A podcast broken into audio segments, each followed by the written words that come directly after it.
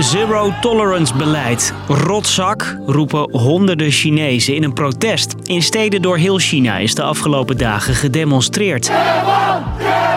In een land als China is dat geen dagelijkse gewoonte. Protesteren is vrijwel altijd verboden. Dat is iets wat je hier echt nooit meemaakt. Dit is iets wat ik in de afgelopen jaren niet heb gezien. Wat is er aan de hand? En deze protesten, duizenden kilometers van ons land, merk jij ook in je portemonnee. Hier. Hoe dat zit, leg ik, Marco, je uit. Lang verhaal kort. Een podcast van NOS op 3 en 3FM.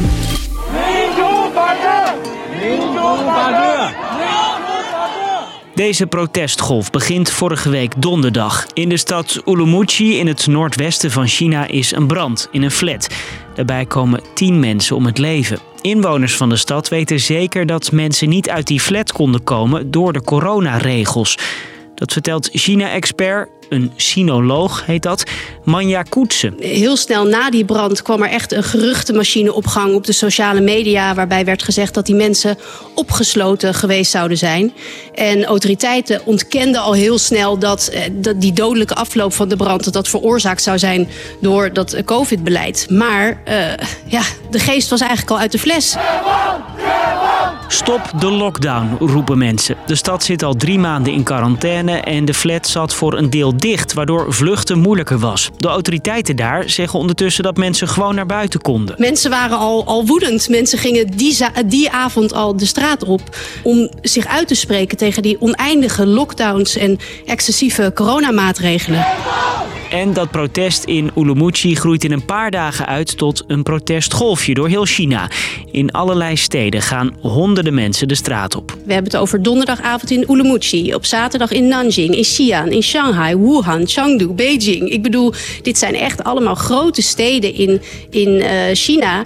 Uh, maar ook op de universiteiten broeit het. Dus het zijn misschien uh, soms kleine gebaren, maar bij elkaar is het een grote beweging. En zo kwam dat protest dus ook in de grootste steden van het land uit, in Peking en Shanghai. In die laatste stad maakte correspondent Eefje Rammelo de protesten mee. Het begon met uh, we willen niet meer testen, we willen vrijheid. Daarna werd het gaandeweg uh, wij willen de communistische partij niet meer. Shanghai! Shanghai!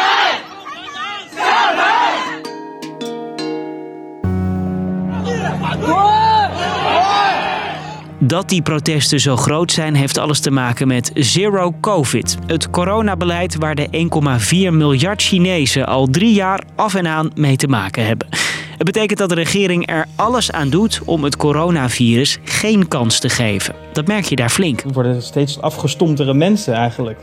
Die niets meer durven te zeggen. Dat zegt Roeland, die woont en werkt in Peking.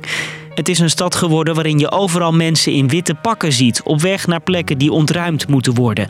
Alle restaurants, kroegen en kantoren gesloten. En weet je nog dat je een mondkapje op moest doen voor je boodschappen kon halen hier in de supermarkt? In Peking gaat het nog verder.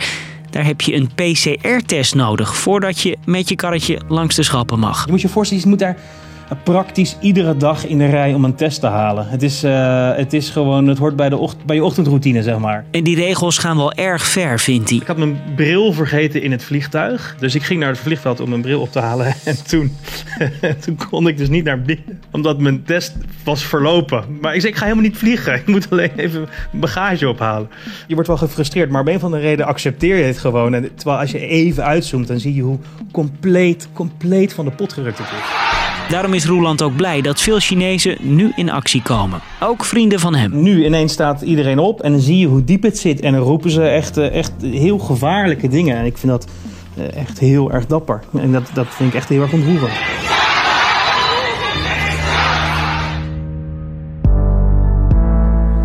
Misschien wel 200 mensen staan hier op de Dam. In een cirkel, in het midden branden allemaal kaarsjes en mensen leggen bloemen neer.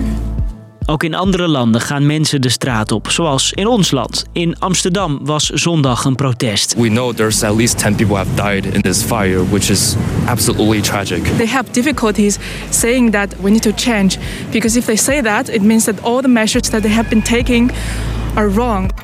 En niet alleen Chinezen in Nederland merken wat van die protesten. Alle Nederlanders merken het als ze een auto rijden. Want de prijzen aan de pomp dalen door die onrusten in China. Het land is de grootste olieimporteur van de wereld.